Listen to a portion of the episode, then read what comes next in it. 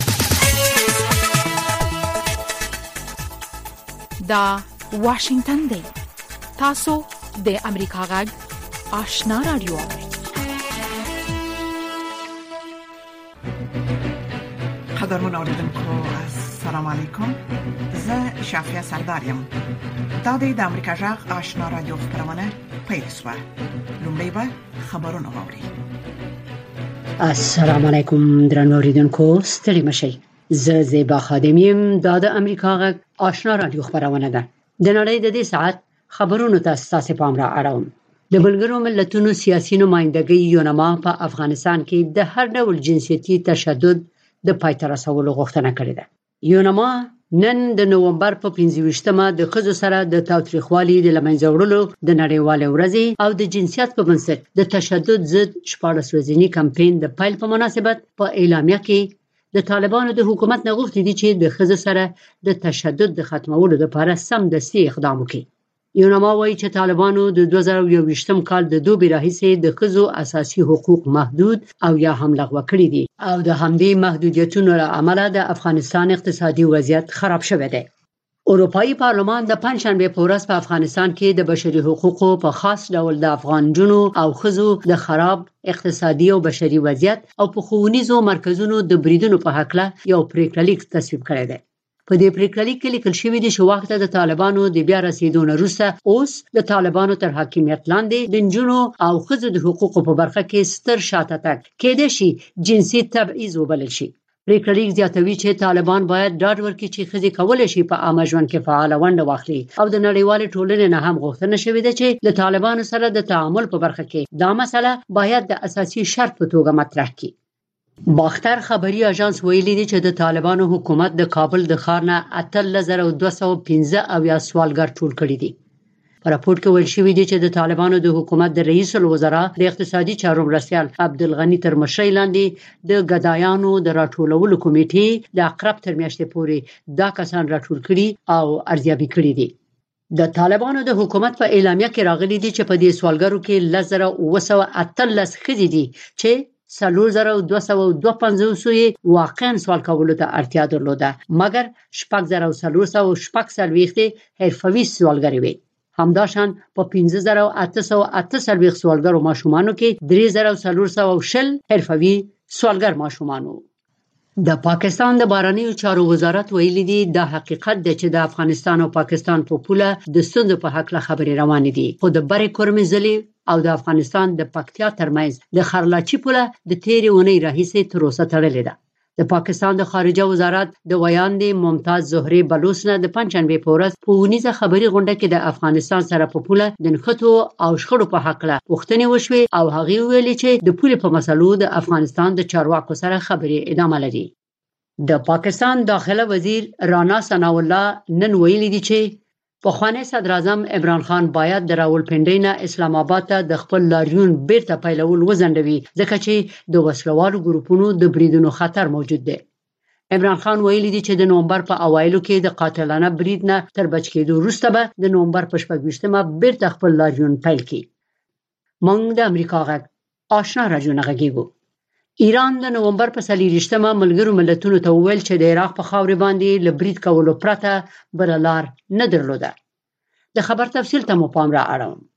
ایرانی چارواکي وایي کوردي ډلې په ایران کې په مظاهرو کې لاس لري په ایران کې د سپټمبر په میاشت کې د پولیسو په توقیب کې د کوردي نجلۍ مهسا امیني له مړینې وروسته د حکومت په ضد مظاهرې پیل شوې او لا هم روانې دي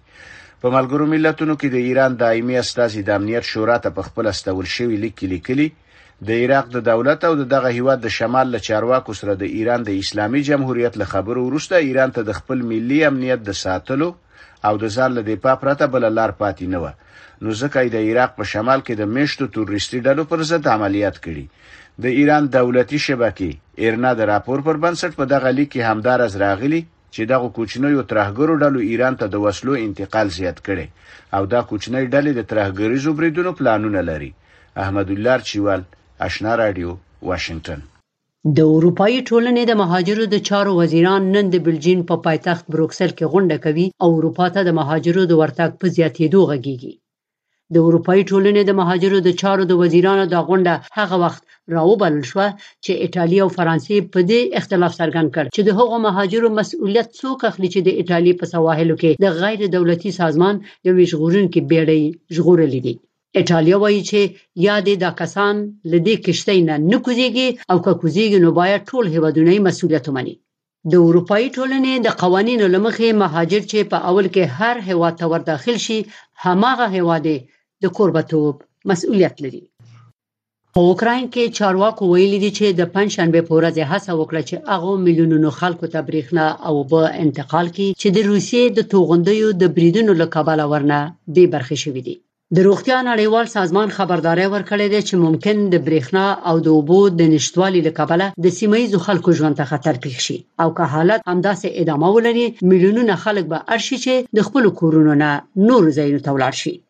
او د هنګري صدراعظم ویکټر اوبراین پرون ویلي دي چې د هیواد پارلمان به د ناتو سره د فنلند او سویډن د یو ځای کېدو پریکړه تایید کړي زیبا خادم امریکا غږ واشنگتن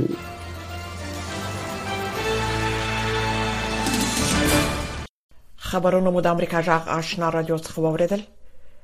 قدرمن اوریدونکو زموږ په دې خبرونه کې د افغانستان سیمې او نړۍ د اوسنوي حالات په اړه کې راپورټونه او مرکې لرو هله د چې خبرونه تر پای واوري لومړی به دا راپورټ واوري چې د طالبانو حکومت د ټول شموله حکومت د جوړېدو په اړه د روسیې د جمهور رئیس ولادیمیر پوتین وروستیو څرګندونو ته په خبرګون کې ویلي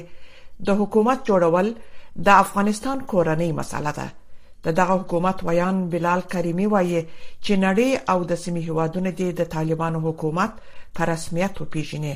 او په دغه سیمه مسلو دي ورسره د رسمي ډیپلوماټیکي لارو خبري وکړي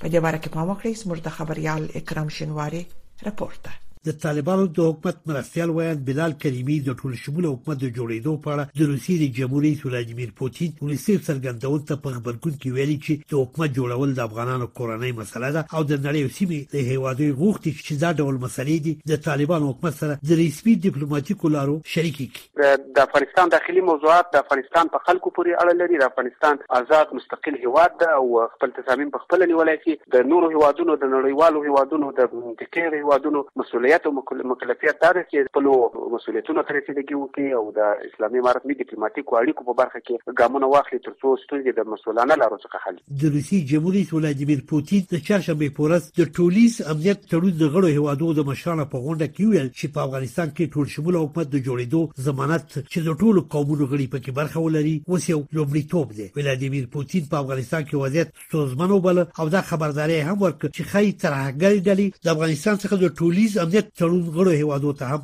لاره ومومي د روسیې جمهوري رئیس ویل چې د ترهګرو د هغو ګواښونو له منځه وړلو لپاره ځانګړو ګډو عملیاتو ته اړتیا ده چې د افغانستان څخه سرچینه اخلي د نړیوالو اړیکو یو افغان کارپوه سنګر امیرزاده په دې باور دی چې د امریکا د متحده ایالاتو او نورو لویدیځو هیوادو او د روسیې ترمنځ د اوکراین د جګړې په باب د اختلاف سره سره د افغانستان په اړه د ټول هیوادونو یو ټول شمول حکومت جوړیدل غواړي چې پکې ټول افغانان خپل ځان وویني او د متفاوتو نظریاتو خاوندان پکې برخه ولري اما په آن اموږ همسایګان د سیمې هیوادونه او نړۍ ټول غټ او مهم هیوادونه څرګند نظر لري چې باید په افغانستان کې داسې حکومت رامنځته شي چې ټول ګډونه باید وي حقوق بشر ته باید درناوی پکې وي دلته تاسو وګورئ هر ورځ د د خزو په حقوق باندې بندیزونه لګیږي خاغلی امیرزاده وایي چې د روانې میاشتې په شپاړسمه په مسکو کې د مسکو پرمټ د غونډې برخوالو هم افغانستان کې د ټولشموله حکومت جوړېدو غوښتنه کړې وه د سیاسي چارو یو بل افغان کارپوه قاضي محمد حسن حقیر وایي چې اکثره افغانان هم افغانستان کې د ټولو قومونو د اساسو په ګډون یو حکومت جوړېدل غواړي چې غړي متخصص او د نیکو اوصافو خاوندان وي دی وایي چې افغانان د قومونو د اساسو په نوم په حکومت کې د جنگ سالارانو او په فساد کې د ښکیلو شخصیتونو ګډون نه غواړي د اوسني حکومت په ترکیب ډیر افغانان خوښ نه دي افغانان غواړي چې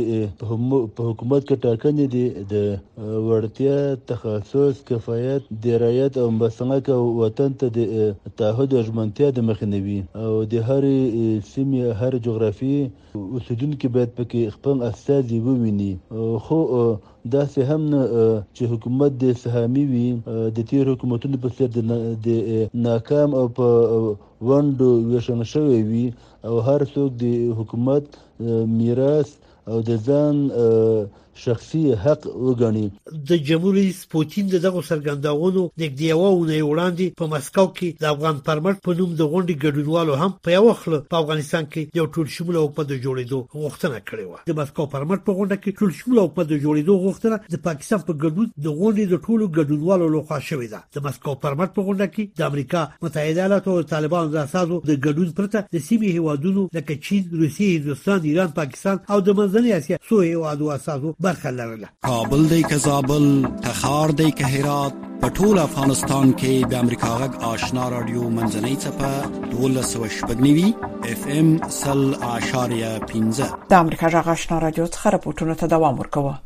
طالبانو د لوګر په ولایت کې د یوې محکمې له حکم وروسته په درو میرمنو او یوولس نارینه وو شرعي حدود جاری کړي او په درو یې وهلي دي دا کسان د غلاو او اخلاقی جرمونو له امله د محکمې لخوا مجرم پیژندل شوی و خو د بشري حقوقو یو شمېر ملاتړو او په افغانستان کې د ښځو د حقونو او بشري چارو لپاره د امریکا د بهرنیو چارو وزارت ځانګړي استازي رینا عامري د شرعي حدودو تطبیق ته غبرګون ښودلی او هغه یې وحشتناک او خطرناک اقدام بللی دی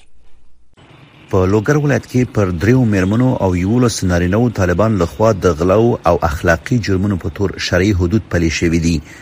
د لوګر ولایت د اطلاعات او کلتور رئیس قاضي رفیع الله سمیم د فرانسې خبري اژانس ته ویلي چې دا کسان په عام محضر کې په درونو دی وهل شوی وایي 14 کسان ته تعزیري مجازات ورکړ شوی چې یو لس نارینه او درې مېرمنوي د درو حد اکثر شمیر نه هدیر شو زما فکر باندې د حدود جاری سول په دې باندې امنیت هم راځي شرایط هم برابرې غلاوي هم د منځ ځي او خدای پاک به په دې عمل کې برکت هم واچوي. دا په روانه میاشت کې په بشپړ ډول د شرعي احکامو د عملي کېدو په اړه قاضیانو ته د طالبانو د مشر ملا هبت الله اخوندزاده د امر وروسته ظاهراً دویم ځل دی چې پر یو شمېر کسانو شرعي حدود پلي کېږي. تر دې مخکې په تخار ولایت کې پر یو شمېر کسانو شرعي حدود پلي کړي وو. په افغانستان کې یو شمېر دیني عالمان وايي، د حدودو جاري کولو پر ځای باید ذهنیتونه ښه کړای شي او د اجرا په صورت کې حدود باید په ټولو یو شان جاري شي. یعنې که زما اختیار وي زه درسونه د قرآن زیاتوم. د دې په ځای چې زه یو شرعي حد جاري کړم چې د دې سره خدای مه کړه د امارت هغه مخالفان نور هم زیاتېږي، داخل کې هم زیاتېږي او بهر کې هم زیاتېږي. خو موږ د امارت مشرانو ته مشورې نه شو ورکولای. هغوی دې ځانونه پوره ګڼي. دی چا خبره نه مني او موږ ورته وایو چې خدای پاک خیر کې خدای پاک خیر راولي بل لار دې موږ نه ده چې بیا بې ګناه خلکو پکې وهل نه خړلې بې ګناه خلکو لاسونه پکې پرې نشي واقعا ثبوت پر اغلي او کم غټ سری او هغه خلک چې مثلا قدرت ولري یا لوی دولت لري هغه جرم کوي چې هغه هم مستثنا نه چې هغه کشي د عدالت محکمې ته خو باور مې رانغی د افغان ښځو او نجونو د حقوقو لپاره د امریکا ځانګړي استاذ رینا امری د طالبانو له حکومت لخوا د لوګر په ولایت کې پر 14 کسانو باندې د شرعي حدودو تطبیق ته خبرګون خوده او هغه وحشتناک او خطرناک اقدام بلل دي رینا امری د پنځمه پورس د خپل ټوئیټر په پاڼه لیکلي دي دا اقدامات د نړۍ په وړاندې د طالبان د سرکښۍ د زیاتېدو او خپل پخوانیو سیاستونو ته د ورستنېدلو څرګندونه کوي د طالبانو دغه اقدامات ته په نړیواله کچه د بشري حقوقو د ملاتړو ادارو غبرګونونه ښودلي دي. کله چې د طالبانو نوم د یو افغان په مخ کې اخیستل کېږي، فوراً ذهن ته وېره، وهم، وهل، ټکول او توهین مجسم کېږي. هغه خلک چې ټول ولس ورنه ویره او ډار لري څنګه د عدالت او شرعي حدودو تمه ورنه وسي د طالبانو په تیر نظام په تیر حکومت کې د نظامي محکمې په نوم باندې یو څه شتون درلودو اوس هغه محکمه که چیرته شتون ولري اول باید دوی هغه طالبان په عام محضر کې مجازار کړي چې د الهي په نوم باندې یو افغاني میرمنې سره جبري زنا تر سره کړي بیا یې وهلې ټکولې بیا یې شخصي زندان کې ساتلې خو هیڅ کومې تحقیقی یا څارنوالۍ ورباندې اصلا کوم عکس العمل نه ده ښکاره کړی اصلا یې څه ورباندې ویلي نه دي د طالبانو د شرابو څښونکي عاملین د غلاګانو عاملین ارتې تڼۍ ګرځېږي د اروپایي پارلمان مشرې روبرتا متسولا د دوشنبې په ورځ په افغانستان کې د ښځو په وړاندې تاوتریخوالی وغنده او اندېښنه یې څرګنده کړه چې ډېر ژر به په عام محضر کې درانه مجازات له سره پیل شي. د طالبانو له خوا شرعي حدود په داسې وخت کې پلي کېږي چې د پنجشنبې په ورځ د کابل په ښار کې یو شمېر ښځو او نجونو یو ځل بیا د خپلو حقونو د غوښتلو لپاره د لاریون په ترڅ کې د طالبانو له خوا پر ښځو باندې پر لګېدلو محدودیتونو اندېښنه وښوده او د ښځو د حقونو د خوندیتوب غوښتنه یې وکړه. د امریکا غږ د آشنا رادیو په خپلو بیلو بیلو خبرونو کې د نړۍ د ګډ ګډ او د افغانستان په باب جامع به طرفه او موثق راپورټونه خبري د امریکا غږ د آشنا رادیو خبرونه مهیروي د امریکا غږ آشنا رادیو څخه تاسو زموږ د خبرونه اوري یو شمېر اوکرانیان چې مخکې یې د کورونو د جوړولو کاروبار کاوه پر اوکراین باندې د روسیې د پوځي يرغل مجبور کړي چې د ختمېدونکو حملو او دوامدار تباهي له امله له نوښتونو څخه په استفادې ماډلې کورونه جوړ کړي لکیف څخه د امریکا جغ د خبريال د رپورت خلاصه زموږ همکار سید سلیمان شاه تاسو ته ولې په د یوکراین باندې د روسیې د پوځي یرغل په نتیجه کې د هغه هیواد د خلکو ژوند ګډوډ شو، په میلیونونو کورونه وران او ویجاړ شو، خو نه یوازې دا چې اوس یو شمیر کورني کاروبارونه ژوندي پاتې شوي، د نوو کورونو د جوړولو له امله د عامو خلکو تراژیدي او غم په هیله او امید باندې بدل شوی.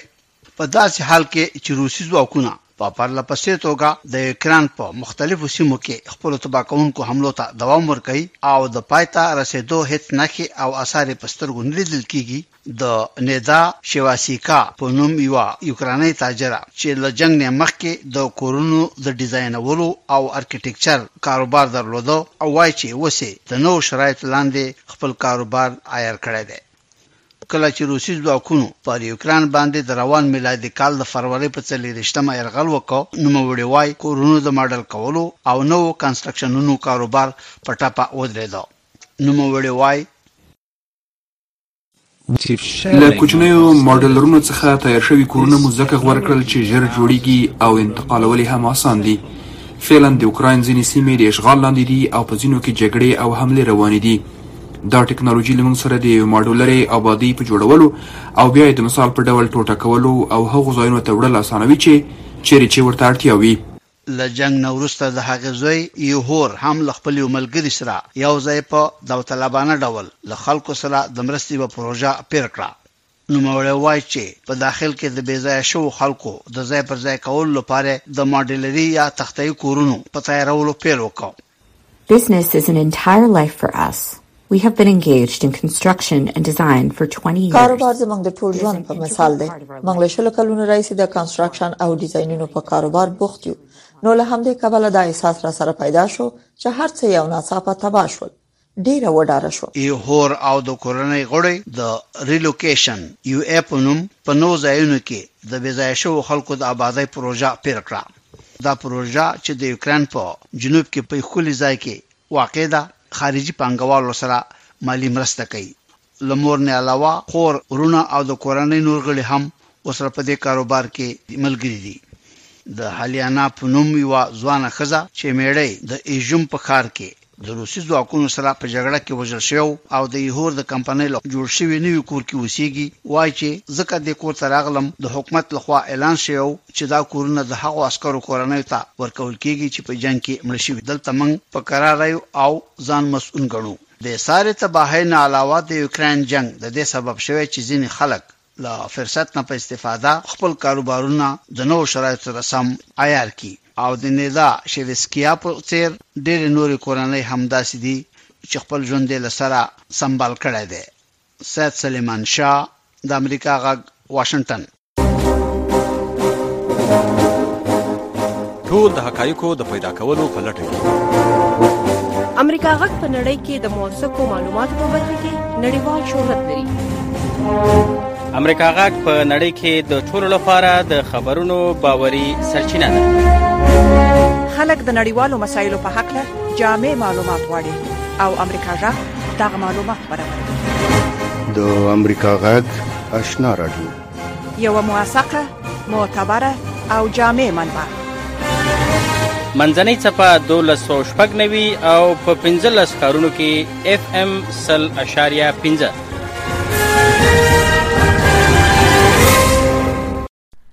دا هم د دې خبرونې مرکه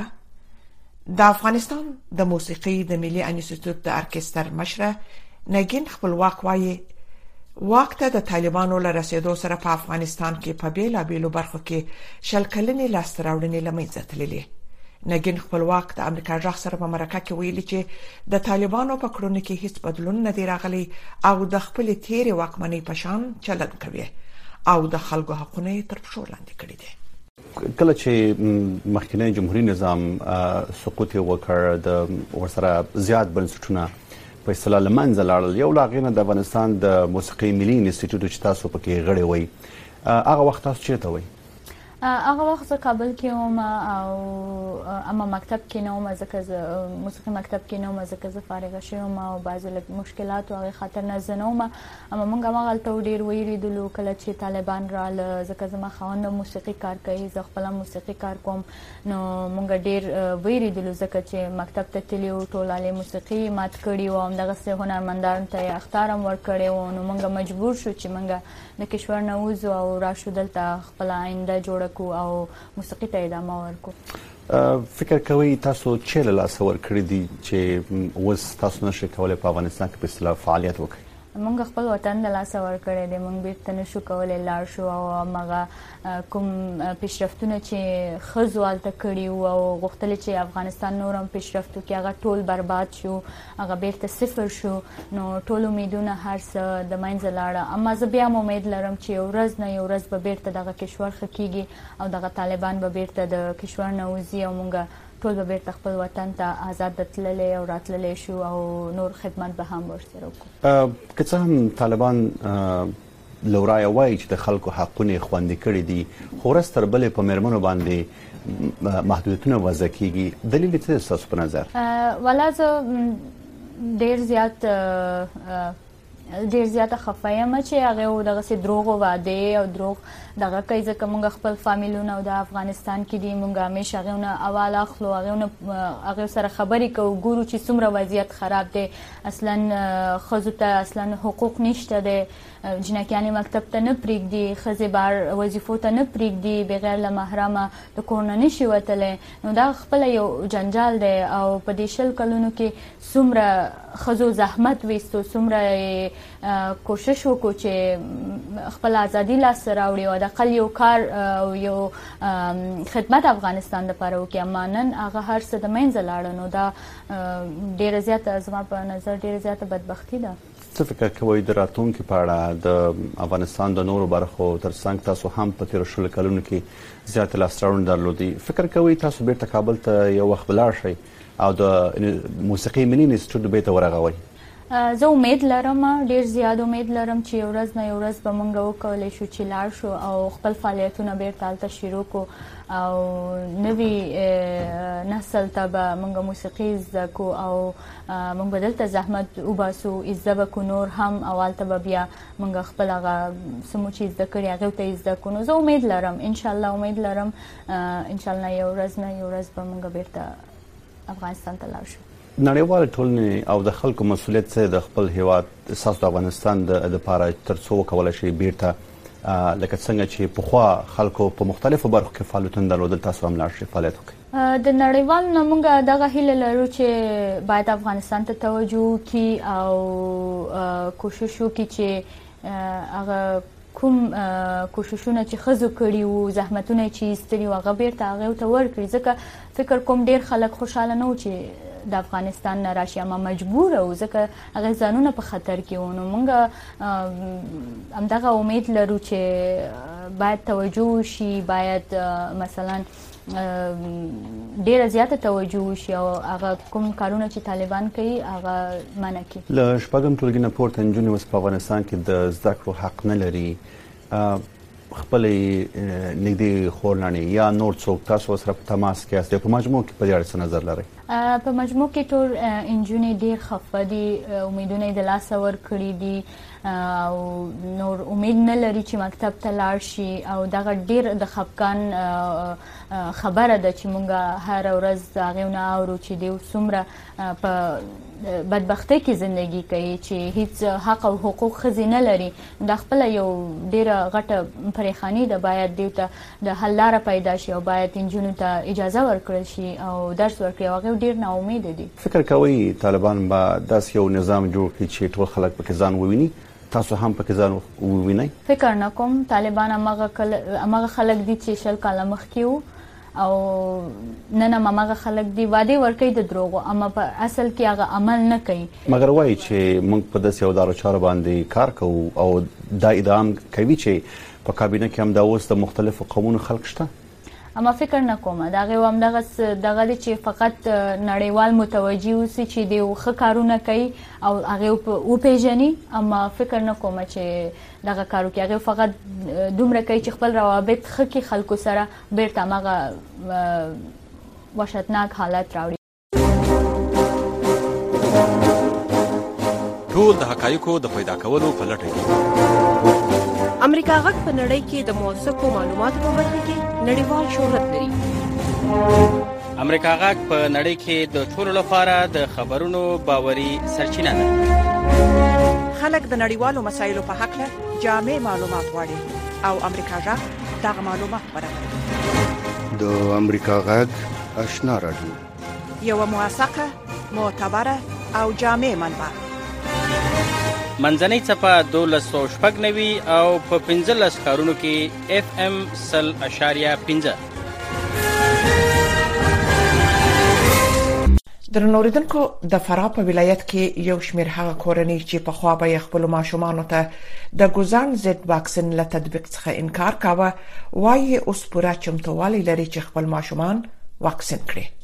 نور حال د نقیب الله رضوان په رپورټ کې واورئ. د فراه یو شمېر هغه کورنۍ چې له دې وړاندې د یو شمېر ناسمو انګېرنو او منفي تبلیغاتو له مخې د ګوزڼ ضد واکسین په وړاندې منفي ذهنیت درلود، وايي د روغتیاپالانو او دیني عالمانو د مشورو او لارښوونو په رڼا کې چمتو شوي چې خپل ماشومان د لاعلاجه ګوزڼ ناروغۍ په وړاندې واکسین کړي. د دوی په وینا له دې وړاندې یې داسې ډېری ناسمې اوازې او تبلیغات اورېدل چې وروسته دروغ ثابت شول. فتح محمد د فراه ولایت د پشترود ولسوالي هغه اوسېدونکی دی چې د یو شمېر کورنیو په څېر همدې منفي تبلیغاتو اړ کړی و چې خپل ماشومان د یوې خطرناکې ناروغۍ په وړاندې واکسین نه کړي خو اوس مهال امریکا غږ ته داسې وایي. موږ د دغه واکسین څخه ډېر بد راتله چې موږ ته داسې داسې فکر کوی یا چا ویل چې دا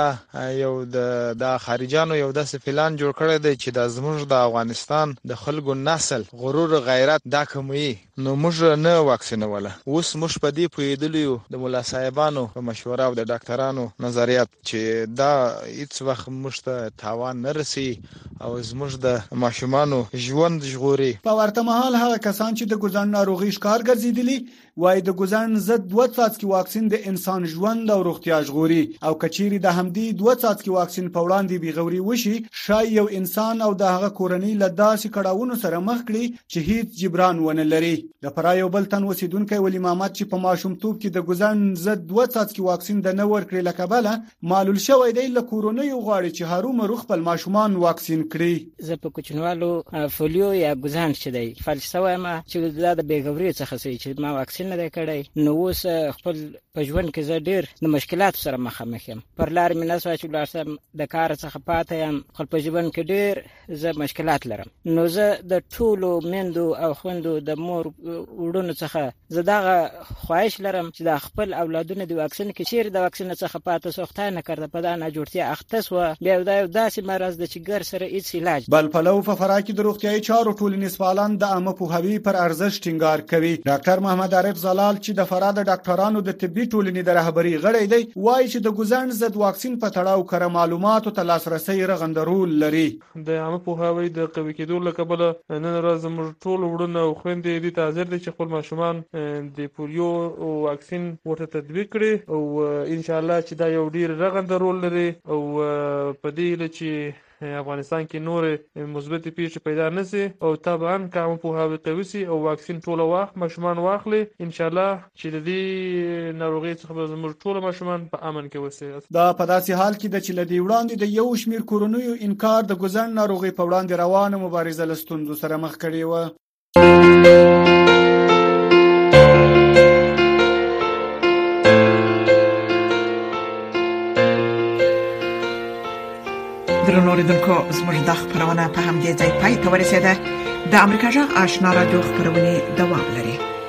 ستاسو ټول څه مننه چې زموږ خبرونه اوري